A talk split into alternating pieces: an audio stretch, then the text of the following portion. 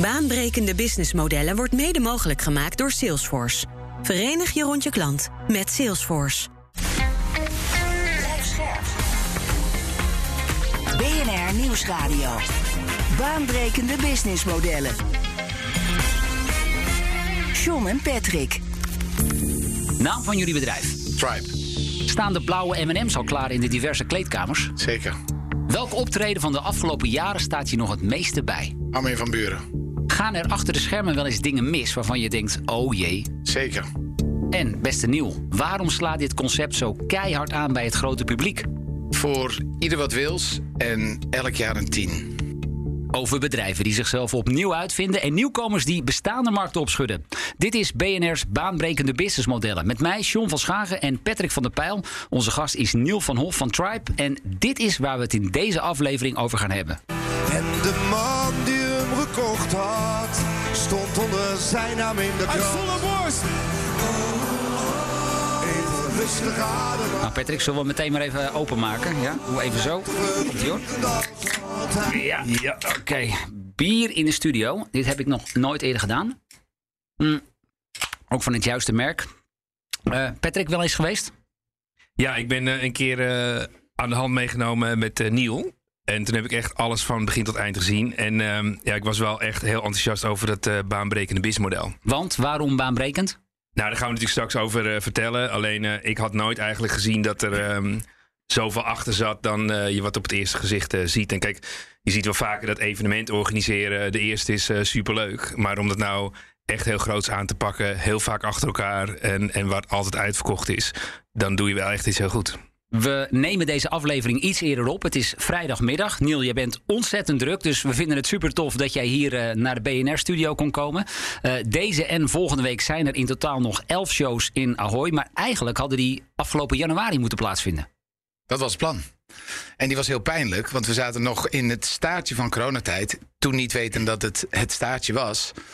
Ehm, en, en hingen we aan de, aan de, nou, noem je aan het infuus, wat ze toen het garantiefonds noemden.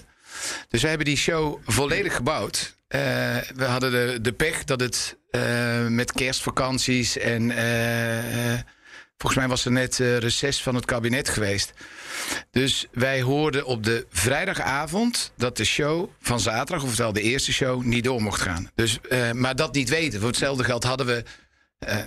we wisten dat het een soort van hypothetisch was. Maar voor hetzelfde geld hadden we op vrijdagavond te horen gekregen: ja, je mag wel door. Dus we hebben een volwaardige show gebouwd. En die Met, moest je dus... sorry, met repetities op vrijdag. eh, met s'avonds nog een tv-opname. En, eh, en daarna is iedereen eh, de volgende ochtend naar huis gaan. uiteindelijk alles weer moeten afblazen. Ehm, de meeste tickets voor die shows ehm, die waren een jaar van tevoren al uitverkocht, stijf uitverkocht. Terwijl de line-up nog niet eens bekend was. En ik vroeg jou net, waarom slaat dit zo keihard aan?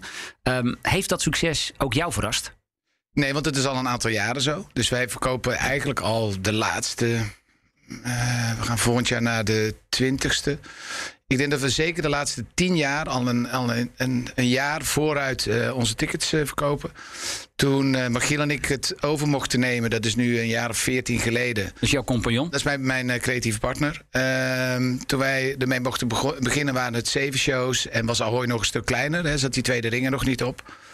Eh, en eigenlijk na een aantal jaren was het al een dusdanig fenomeen... dat je eh, inderdaad de eerste dag van de nieuwe shows... starten wij de kaartverkoop voor een jaar later. En elk jaar ah, een uur, anderhalf uur. En dan het systeem moet het bijken. De- het systeem bepaalt het tempo dat het uitverkocht is. Ja, dat is echt ongelooflijk. Ik denk dat iedereen eh, die fe- festivals organiseert... er achter zijn oren van eh, als wij dit eens voor elkaar zouden krijgen. Het is ook natuurlijk mooi dat je dan de cash-in al gelijk krijgt. Ja. Eh, dus dat je niet op je geld hoeft te wachten. En nu gaan wij deze aflevering inzoomen op dat businessmodel dus van de vrienden van Amstel Live. In de kern een concertreeks, maar toch heel anders dan gewoon een paar artiesten. Patrick, jij zei in de voorbereiding op deze show, zij zetten de artiest midden in het klantsegment. Wat bedoel je daarmee?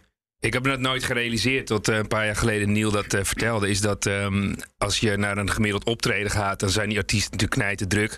Die hebben wel of niet een chauffeur. En die komen op het laatste moment naar het podium. eh, nou, allemaal ingewikkeld doorlopen en, eh, en weer verder. En wat je hier ziet is dat ehm, die shows een aantal keren achter elkaar plaatsvinden. Maar je, je- je mag je gasten, je vrienden ehm, of familie meenemen. En ze worden eigenlijk gewoon volledig in de watten gelegd. Je hebt daar een backstage waar je met andere artiesten samen kunt zijn. En er worden ook repetities gedaan. Dus het lijkt eigenlijk wel alsof het het jaarlijkse uitje is voor eh, artiesten die gewoon chill op één plek eh, met al hun vrienden en familie eh, kunnen zijn. Ja, Niel, ervaren artiesten dat inderdaad ook zo? Een uitje? Klopt helemaal. Dus, dus de Vrienden van Amstel, het is, een, het is de mooiste productie die wij mogen doen, maar ook de meest complexe. Want het zijn drie producties in één. Het is de show in de, in de zaal. Ehm, elk jaar nieuw decor. eh, hebben we, eh, want we hebben in Nederland een ontzettend mooie pool van artiesten. En er komen elk jaar wat nieuwe jonge talenten bij. Maar wij hebben ook eh, eh, deze week weer 25 eh, artiesten. Dus die pool is niet groot genoeg om elk jaar op basis van de artiesten nieuwe dingen te doen. Hè. We hebben bewust ervoor gekozen om het met nationale artiesten te doen. En, en we maken geen gebruik van internationale artiesten. Dus die show is, is het programma. Hè, de duetten, eh, de samenstelling van het programma en het decor. Eh, eh, ongelooflijk belangrijk. Hè. Da- daar ervaar je de beleving. Dan hebben we een hospitality dorp. Dat financiert het eh, concept voor een groot deel. Want eh, we hebben elke avond 1450 eh, VIP-gasten... die in een andere zaal voor ontvangst... de show op de mooiste plek... en dan nog een, een, soort van afterparty. Maar de allerbelangrijkste productie is de backstage-productie... waar Patrick het over heeft. Die, die backstage-productie, dat is het domein van de artiesten... En ehm, eh, ze zijn, we zijn, nou ja, met de repetities erbij, met alles erop en dan zijn we een week of twee bij elkaar. En daar mag ik als gewone sterveling natuurlijk niet komen. Maar Nee. hoe, hoe ziet dat er dan uit? Hoe bijzonder is dat ten opzichte van andere concerten? Nou ja, ook dat wordt aangekleed. Hè. Omdat we zoveel avonden hebben, kunnen we daar echt een, een, nou ja, de grootste voor, voor de artiesten een ongelooflijk gezellige kroeg maken. Eh, echt in helemaal hun habitat. Eh, met eh, weet je, speelautomaten, tafeltennistafels, eh, weet je, van die voetbalspelletjes. Weet je. Want ze zijn er 14 dagen. Ze, eh, eh, met pendelbusjes worden ze naar een heel lekker hotel gebracht. Ze worden een keer wakker s ochtends. Dan gaan ze naar Ahoy. Ze vertoeven daar. Ze krijgen daar fantastische crew. Maar dat is ook de plek waar de duetten ontstaan. eh, waar de gastartiesten worden ge- geronseld voor eh, de eigen concerten. Eh, nou ja, waar misschien dingen gebeuren die het eh, daglicht niet kunnen zien. Dat is ook de plek waar geen media komt. En waar inderdaad de gewone sterveling eh, in de basis niet binnenkomt. Nu heb ik in een vergrijs verleden ook nog wel eens wat lokale feesten georganiseerd. En ik weet, dan betaal je dan voor een half uur Jan Smit destijds zo'n 15.000 euro. Hè, en dat was dan onze hoofdact hè, in, een, in een gymzaal of een tent ergens op een weiland. Kun jij met die artiesten ook speciale deals sluiten? Want dat lijkt me ook wel nodig om die begroting rond te krijgen. Ja. Eh, ehm, maar jij doet dan één avond eh, in die ene sporthal, eh, eh, waarschijnlijk in het dorp waar je vandaan komt. Wij zitten met twaalf avonden, misschien wel in de toekomst meer. Twaalf avonden in de basis rustige januari maand. Plus, het is een platform, wat jullie in de ANF vertelden. Dus het is voor elke artiest bijna een. Nou ja, laten we die grote maken. Het is, maar het is een voorrecht als je gevraagd wordt voor de vrienden. Jij zegt in die rustige januari maand. Dat Mhm. is dus ook met opzet. Nou, dat is zo ontstaan. Toen dat is voor ons al ontstaan. Dus ik weet niet of iemand daar ooit heel, eh, heel bewust over na heeft gedacht. Ehm, maar het is wel een hele fijne maand. Het probleem wat we nu hebben, nu we een extra editie in april, mei.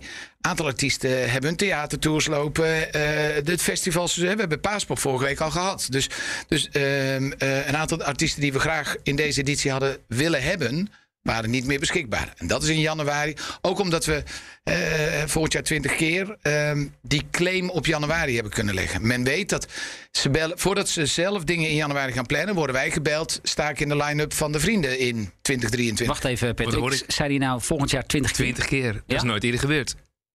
Oh, scoopje. Ja, daar, daar lijkt het op. Klein scoopje. Eh, ja, dat klopt. Wij gaan, eh, volgend jaar bestaat dus de Vrienden 20 jaar. En wij gaan deze week. Maar goed, deze uitzending is woensdag. Dus één deze dagen gaan wij naar buiten. Eh, want wat ik net vertelde, wij gaan de eerste dag starten wij met de kaartverkoop voor volgend jaar. Dus we zijn gisteren begonnen met de kaartverkoop voor 2023. En dat zijn 20 shows. Wauw. Ja, dat is het grootste indoor aantal ever. En dan praat je over hoeveel bezoekers? Ja, 20 keer 13.000, 14.000. Dus doe de rekensommen. Ja. Ja, Hey, 300. dat is waanzinnig. Die combinaties op het podium, hè, die zijn natuurlijk ook een heel belangrijk onderdeel van dat concept. Eh, direct met Nick en Simon, om maar eens even wat te noemen.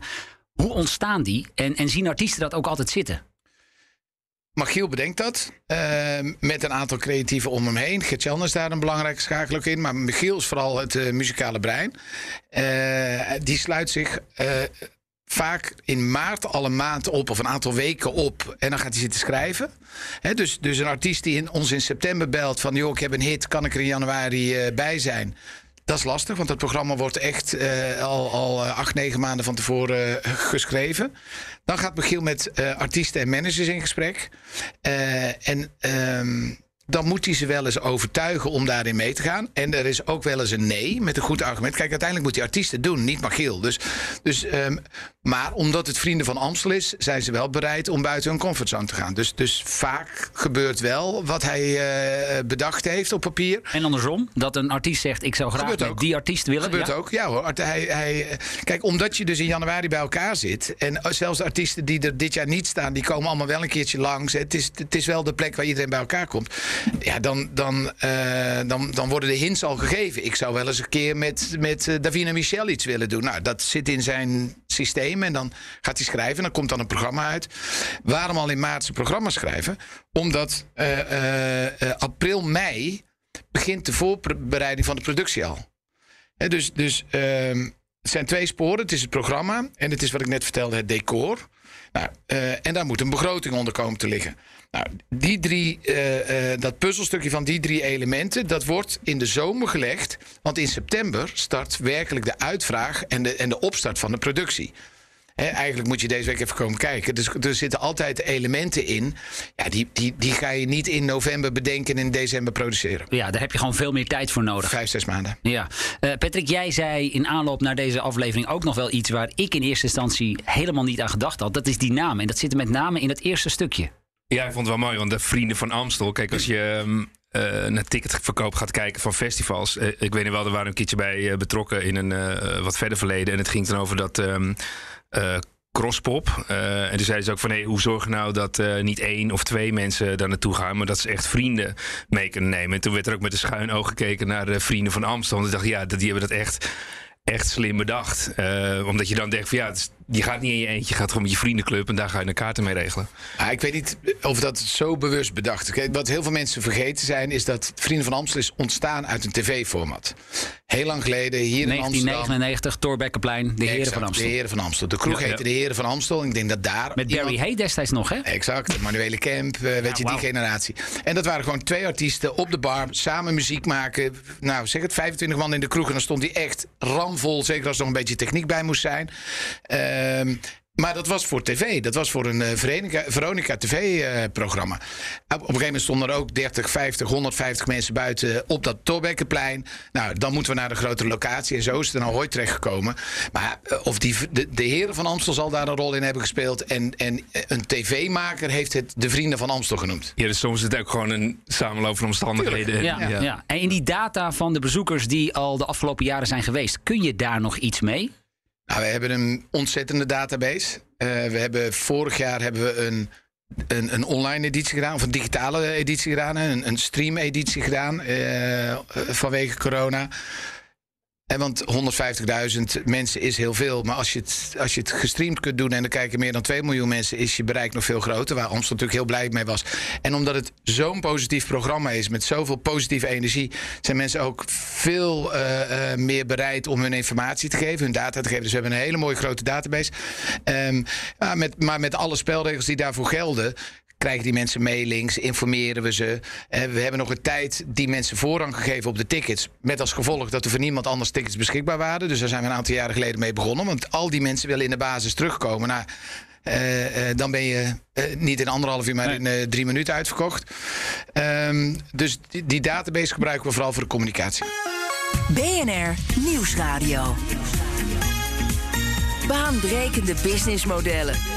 Met deze keer het businessmodel van de Vrienden van Amstel Live. Een concept dat zijn oorsprong vindt, we zeiden het al, in een bruine kroeg aan het Torbekkenplein in Amsterdam. En inmiddels is uitgegroeid tot fenomeen in ons land. Straks praten we verder met de producent van het concept. Maar eerst, Patrick, betalen. Dat doen ze in de Verenigde Staten op een wel heel bijzondere manier. Ja, dat kun je wel zeggen. Eh, klanten van Whole Foods in Austin, eh, in Texas, die kunnen vanaf nu betalen door gewoon een, je hand langs een scanner te halen.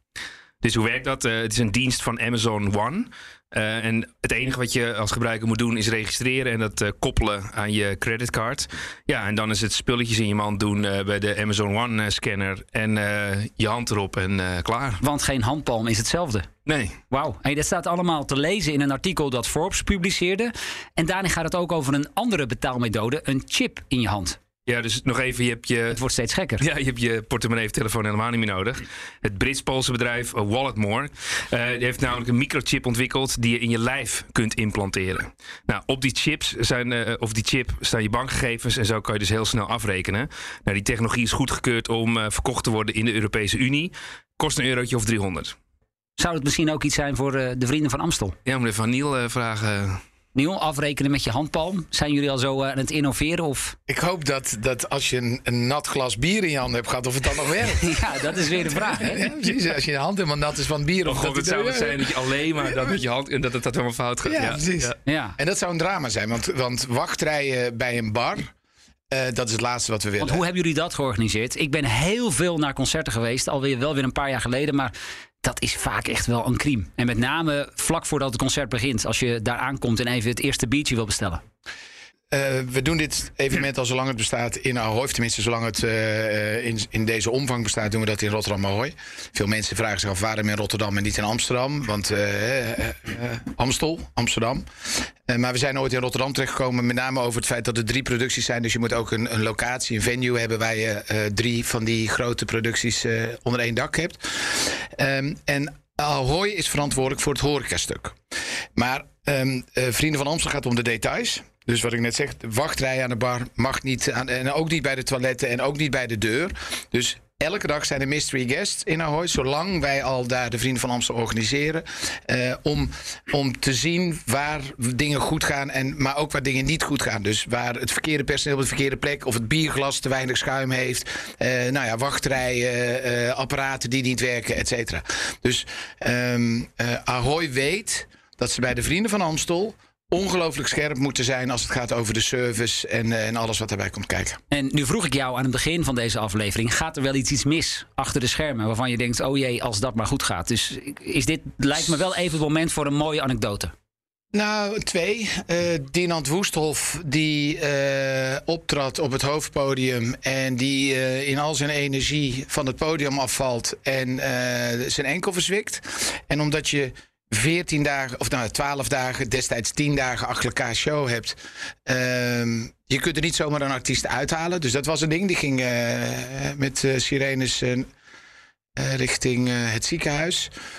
Nou ja, er zijn heel veel legendarische dingen. Een paar jaar geleden Dre Hazes die in een, in een uh, rijdende bar door de, door de zaal gaat. En die staat heel stoer te zwaaien met zijn microfoon. En die microfoon schiet uit zijn handen, die lag in het publiek. Of Guus Meeuws die over een passerel loopt. En iemand gooit een glas bier door de zaal. En die vangt hij zo achter zijn rug op. En, en ook gewoon vast. en omdat met sociale media, alles is natuurlijk geregistreerd. Dus je ziet alles terug. Nou, dat, nou, dat, zijn een aantal van die anekdotes. Ja. Hey, die naam van Amstel als naamsponsor, die is al een aantal keer gevallen. Um, is dat nou puur name dropping of spelen zij ook een, een veel grotere rol in het hele concept? Zeker. Amstel is eigenaar van het concept. Het is een Heineken. Amstel is een, eh, een, label van Heineken. Het is uh, volledig eigendom van Heineken. En wij, wij mogen hun partner daarin zijn. En voor, voor Amstel is dit hun grootste marketing evenement per jaar. Wat het voor ons fantastisch maakt. Want omdat zij het dus echt als een marketingtool zien, uh, krijgen wij ook alle ruimte om te investeren in dat evenement. Elk jaar weer krijgen we de ruimte om hem, om hem een team met een griffel te maken. Elk jaar is er een bezoekersonderzoek. Ja, en die cijfers die, die zijn bizar uh, uh, als je het vergelijkt met andere evenementen. En dan, um, ik liet net even een stukje horen van Paul de Munnik. En dan zie je ook die clip. En dan zit hij achter zijn piano. En dan staat dan net toevallig even een biertje is dat kan geen toeval, zijn. Nee, daar, ook daar, over dat soort dingen wordt nagedacht. Maar decor, wij krijgen elk jaar de vrijheid om met een nieuw decor-idee te komen. We hebben één opdracht. Het moet bierig zijn. Dat is het werk, of het uh, bijvoeglijk naamwoord. Het moet bierig zijn. En wat bedoel je daarmee? Nou ja, het moet bier uitstralen. Dus het kan een brouwerij zijn, het kan een kroeg zijn, het, kan een, ah, het kan een dorpsplein zijn met zes kroegen eromheen. Als het maar bierig is. Je komt uiteindelijk in de grootste kroeg van Nederland. Dat is het concept. En kun je al iets vertellen over hoe het er dit jaar uitziet? Of is dat nog een soort geheim voor de bezoekers die vanavond, morgenavond. Okay. Dat, ja, dat, dat moet je. Dat, wat ik zei, weet je, het programma is een verrassing. Maar het decor en, en, het, en, het, en gewoon de totale beleving is bijna net zo belangrijk. Ja. Althans, door één keer eh, dat ik eh, daar was, kwam op een gegeven moment eh, de drummer van eh, volgens mij Golden Earringen uit het plafond zakken. Dat was echt fantastisch. Sesam. Ja, ja, ja, ja. Dan sta je daar in die zaal en denk je, oh, ik hoor iets drummen. er komt Ja. gewoon iemand uit het podium zakken. Ja, of tien drummers tegelijkertijd. Van alle bandjes die avond met z'n allen. eh, en toen was Cesar ook de, de leider van de band, van de drummers. Ja, dat vond ik ook fascinerend. Zeg maar, onder dat eh, podium of achter het podium, eh, daar denk je ook echt niet over na. Iedereen neemt zijn eigen drumstel mee en dat staat daar ook. Dus er staan daar gewoon tien drumstellen. Ja. eh, Nou, de techniek is natuurlijk een uitdaging. En Niel, en dat vind ik inderdaad interessant. Want in hoeverre, jij zegt al die mensen die zijn geweest, die willen nog een keer komen, die vonden het gezellig. Maar je, ik kan me ook voorstellen, het moet elke keer gekker, groter, megalomaner. Ik bedoel, is, daar zit ergens ook. Dus je hebt een budgetplafond. Hoe ga je daarmee om? Nou, eh goede vraag. Eh, dan heb je drie, vier jaar achter elkaar groter, groter, groter. En dan kijk je elkaar weer aan. Dat gebeurt overigens altijd al in januari. Dan worden de schetsen en de eerste ideeën voor het jaar daarna gemaakt. En dan is het oké, nu weer terug naar de basis. Dan kunnen we weer drie jaar eh, van gek naar gekker eh, tot het gekst. Even over die techniek. Precies wat Patrick zegt. eh, en niet alleen die drumstellen, ook die piano's en, en noem het maar op. Die productie is, is, is echt een, een, een, een, meester, een meesterwerkje. Wat bijna niemand weet, is dat onder de twee hoofdpodia, dus we hebben hoofd eh, A en B.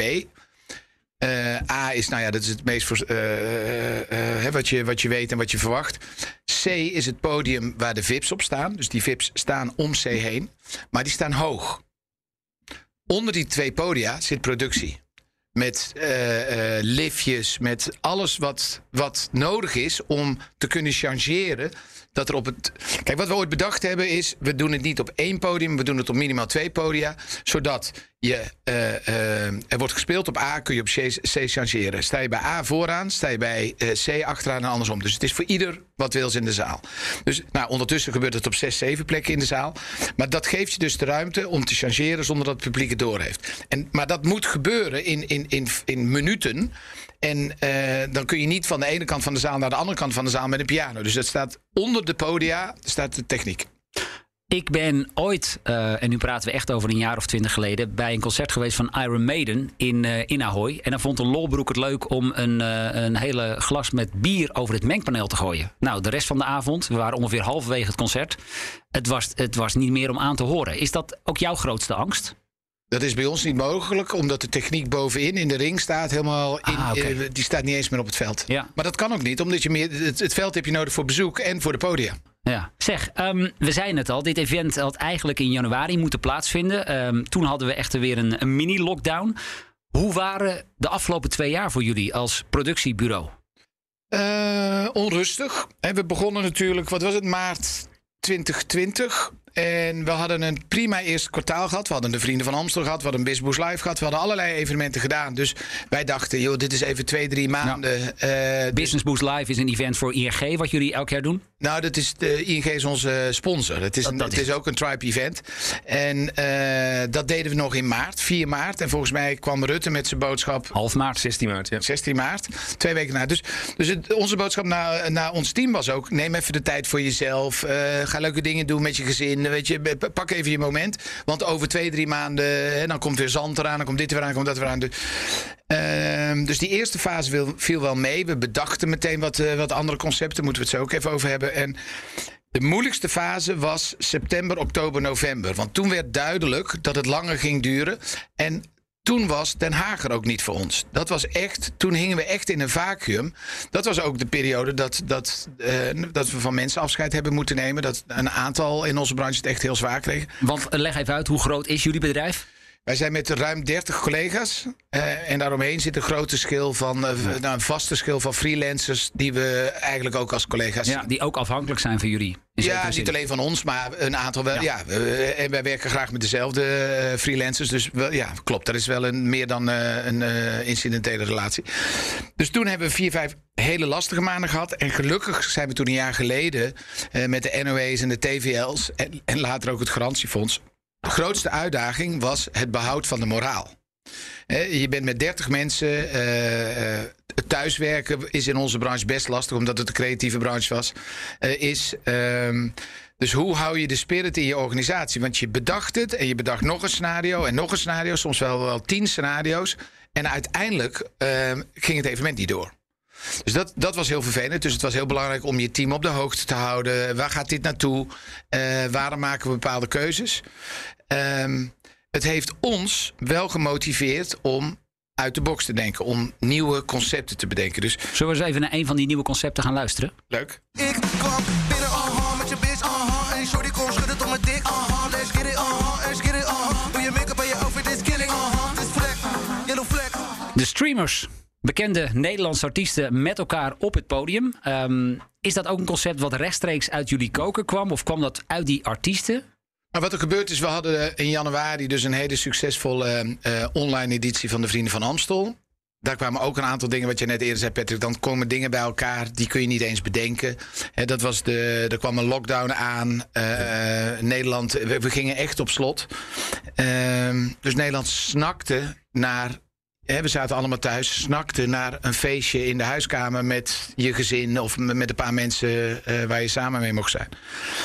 Ehm, dus we haalden het acht uur journaal. Er gebeurden dingen die we bij een reguliere editie nog nooit bereikt hadden. Dus dat was, dat was een mega succes voor, voor eh, de vrienden van Amstel, Amstel, voor Tribe, voor iedereen die erbij betrokken was. Ook voor de artiesten. Die vonden dat geweldig, want die werden bedankt op straat. Die werden echt van, van eh, dit, dit, dit hadden we nodig, weet je, die boodschap. Wij zijn met Amstel in gesprek gegaan van zullen we, zullen we er nog eentje doen? Hè? We, moesten naar een ander businessmodel. Want, want de Vrienden van Amstel was een cadeautje van Amstel, van Heineken, van Vrienden van Amstel. Dus die was gratis toegankelijk. Ehm, maar die productie, die, die als een heel klein bij-evenementje was bedacht, is uiteindelijk een hele serieuze grote productie geworden. Nou, eh, je hoort ons daar niet over klagen. Weet je, dat, dat was gewoon een, goede eh, uiteindelijk marketingbeslissing. Eh, dus met Heineken in gesprek zullen we, er, zullen we er nog één doen, maar dan op basis van een ander businessmodel. Moesten we nog bedenken. En toen zei Heineken eh, eh, terecht van volgend jaar. In januari zien we elkaar met z'n allen weer in Ahoy. Weet je, hier gaan we nooit meer overheen. Ehm, dit was mooi. Ja. Tribe, doe je ding. En toen is Tribe in gesprek gegaan met Modestus, het eh, bedrijf van Guus. En eh, nou, dat, dat, de, de basis was van oké, we gaan met een spelersbus. En, en, en daar zitten 15 artiesten in die bus. En die gaan van locatie naar locatie. ING had ons een jaar eerder gevraagd: eh, kunnen jullie iets op Koningsdag doen? Dat was een livestream vanuit het Rijksmuseum met Davina, Michel en Snelle. Oh ja, ja. Wat voor eh, ING een heel eh, succesvol eh, evenement was. Waar ze ontzettend veel positieve reacties op gehad. Ook ontzettend bereik. Dus in diezelfde periode, we zitten in februari 2021, kwam ING bij ons. Wat gaan we met Koningsdag doen? Ik zei nou. Er komt wat aan. De creatieven zijn. eh, er komt iets uit de koken binnenkort. Ehm, wij weten niet waar we aan beginnen. Er zit een mega risico aan. We wisten niet hoeveel mensen bereid waren om iets in die fooiepot te doen. En, en wat er op ons af zou komen. Als jullie bereid zijn om met ons in dat risico te stappen. Dan worden jullie onze partner bij de streamers. Dus, dus in, in, en dat ging toen heel snel. De reden dat we ook in het, de eerste editie vanuit eh, Carré deden. Is dat omdat dat, dat een locatie is die door ING wordt ondersteund. Ja. Dus, dus eh, wij stonden ergens, wat was het, half, nee, in maart denk ik, stonden wij in Carré voor de eerste streamers. Niet wetende hoeveel mensen er gingen kijken. Niet wetende hoeveel geld er in een, in een fooiepot terecht zou komen. Niet wetende wat de impact zou zijn. Nou ja, dat, De impact was groot. En de fooiepot, zat die ook vol? Ja, die, dat is een van de best bewaarde geheimen in Nederland. Ehm, eh, die heeft in ieder geval de kosten eh, ruim kunnen dekken. Het, het, we wilden, hij was, je bepaalde zelf wat er in de fooipot ging. Dus we wilden, de, de streamers is ook een laagdrempelig, gratis toegankelijk evenement. Maar we hadden al in januari gemerkt dat heel veel mensen bereid waren om iets te betalen. Om de productie. Weet je, die crew, misschien hoeven die artiesten niet betaald worden, maar die crew moet gewoon normaal betaald kunnen worden. Dat is Weet je, leuk. Ik heb een, zelf een aantal online pubquizzen georganiseerd. Maar dan, daar verbaas je je inderdaad over dat mensen gewoon grif betalen daarvoor. Die vinden Ja. dat mooi, want die hebben een Ja. mooie avond gehad. Exact, die. Ze hebben een mooie beleving gehad. Ja. Dus we, eh, wat er in die fooipot gegooid is, dat was meer dan voldoende. Uiteindelijk, 80% doet hem om niet. Dus het, je, je verdient het op basis van 20% van je kijkers... die wel bereid zijn om wat te betalen. Dus wij Nederlanders zijn nog steeds wel van... als het voor gratis kan, dan doen we- dan, dan doen doen we we het gratis. Ja. Overigens wel een concert, hè? ehm, dit najaar. Ja, dat komt eraan. Dus we hebben, de, we hebben vanuit Carré zijn we, het was fantastisch, werden we uitgenodigd door het Koningshuis om het Noordeinde de tweede te doen. Nou, de derde, wat is een iconische locatie om eh, met een, als artiest te staan, dan kom je in de Kuip terecht. De vierde hebben we in de Efteling gedaan voor, eh, voor UNICEF. En we leerden van concert naar concert. Eh, iedere keer leerden we de dingetjes bij. Eh, en, en in het najaar hadden we zoiets van... nou, misschien moeten we dan, als we weer mogen... moeten we hem ook fysiek gaan doen. Nou, dat wordt het Olympisch Stadion. eh, het weekend van 18 september. Drie shows. Maar ook die gingen eigenlijk heel snel in... die waren vrij snel uitverkocht. En dan stel je vast dat zowel de vrienden van Amstel Live als de streamers buitengewoon succesvol zijn. Verkoopt telkens ontzettend snel uit. Eh, de wereld is groter dan Nederland. Zou een dergelijk concept ook in een ander land aanslaan? Dan zijn er genoeg lokale partijen die je als partner kunt nemen. Al is het licentiemodel. Of eh, weet je, daar is echt wel iets op te de- bedenken. Maar, en ook eh, deze week weer. Er komen Belgen kijken, er komen Duitsers kijken. Er komen Zuid-Afrikanen komen kijken. Want iedereen kent ondertussen wel het fenomeen Vrienden van Amstel. Ehm, en, en eh, doe ons ook een Vrienden van Amstel. Weet je, dat is een beetje eh, het format. Nou, Amstel zit niet in alle landen. Dus we hebben in België met een ander Heinekenmerk gesproken voor de Maten van Maas. De vrienden van Stella Artois bijvoorbeeld. Maar dat is dan weer geen Heineken. dat Dus dat, Heineken. dat, zou, dat, zou, eh, dat, dat, dat zie ik niet, dat gaat Nee. niet gebeuren. Maar wat iedereen dus vergeet, wat ik eerder vertelde, het is ooit begonnen in een café met een paar honderd mensen. Vergeet het om een grote zaal, het Sportpaleis in, in Antwerpen of, of de Huppelepup Arena in München af te huren, een programma te maken. En, en de kracht zit hem in het, wat ik eerder zei, wat er in de backstage gebeurt. De, de lol die die artiesten daar hebben, dat stralen ze uit op het podium. De lol die ze in de backstage hebben, eh, eh, zorgt voor de ruimte om buiten de comfortzone te gaan. Bepaalde duetten te doen. Wat Patrick in, de, in zijn aanhef vertelde. Waarom is Vrienden van Amstel zo bijzonder voor die artiesten? De rest van het jaar zijn ze niet met elkaar in gesprek. Eh, of, of veel minder met elkaar in gesprek. Eh, eh, drinken ze niet een goed glas bier met elkaar. Daarom zijn ze bereid dat op dat podium te doen. Dat voel je in de zaal. Dat is reden dat je, ook al weet je, ook al ken je het programma niet, dat je je kaarten een jaar van tevoren wil kopen. Al die mensen die ehm, in januari een kaartje hadden. Eh, die hebben wij eh, uiteindelijk, omdat die niet doorging, hebben we hun geld terug moeten geven. Maar we deden er een foutje bij. U heeft voorrang op januari, eh, wat komt eraan, 23. 85% van die mensen die willen blind betalen voor hun kaartje. Het gaat niet om het geld. Dat kaartje is meer waard dan het geld. Ik zit tot slot nog even te denken. Jij zei, wat, welk moment staat mij nog het meeste bij? Toen zei je Armin van Buren. Wanneer was dat en wat gebeurde er? Drie jaar geleden, Pet? Ja, Armin? ja. Oh, jij- jij nee, was het erbij. Het was natuurlijk al heel bijzonder om Armin 10, 11, 12 shows aaneengesloten in Rotterdam Ahoy te hebben. Want Armin is druk, gaat de wereld over. Eh, eh, wat ook heel bijzonder was, is dat Armin bereid was om onderdeel te zijn van een, nou ja, een, een community van, van 25 artiesten. Maar hij had een fantastische spot wat, wat de creatieven hadden bedacht. Dus hij zat eh, in een podium, in een, in een, in een DJ-boot die door de zaal ging, maar die ook op zijn kop ging. En daar gebeurde van alles mee. Dus dat was, dat was een, een soort van extreme, eh, eh, nou ja, noem het. Dat was het. En dat proefde je ook in de zaal. Volledig. Totale euforie. Nou ja, en in de media en, en op sociale media. Dat was echt zoiets. Dat we, en, en ook in het buitenland. Van, joh, wat daar gebeurde, dat hebben we nog nooit eerder gezien. Ja, ik verwacht natuurlijk ook niet in een kroeg. Nee, nee, zeker niet. Hey Patrick, eh, tot slot nog even eh, naar jou. We hebben dit verhaal eh, van Neil gehoord, 35 minuten lang. Wat neem jij mee en hoe zouden andere bedrijven, misschien in heel andere sectoren, wat zouden die hiervan kunnen leren? Ja, als je naar het BIS-model kijkt, dan is het wel echt wezenlijk anders dan wat er in de industrie gebeurt. Hè? Dus wat eh Neil uitlegt. En alleen het is wel heel erg lastig. Want zoals nu kun je daar makkelijk op terugkijken. Maar bedenk het maar eens dat het op zo'n manier zou kunnen werken. En het is ook organisch zo gegroeid. Ja, ehm, en dus ik denk dat er ook wel een misvatting is dat je denkt van hé, ik ga het kopiëren. Eh, dat is niet aan de hand. Eh, zo moet je dat niet zien. Alleen wat ik wel een heel interessant fenomeen vind, is als je dus ehm, eh, een partner of misschien personeel of iemand anders als klantsegment neer gaat zetten, Ja. dan ga je dus nadenken, wat voor proposities zet ik daar dan tegenover? Nou, dat betekent dus eigenlijk wat eh Neil net allemaal vertelt. Dan krijg je dus een compleet andere beleving eh, bij iemand die ja, je eh, een ja, noem het nou in de taal een customer journey neerzet of veel meer liefde en aandacht geeft.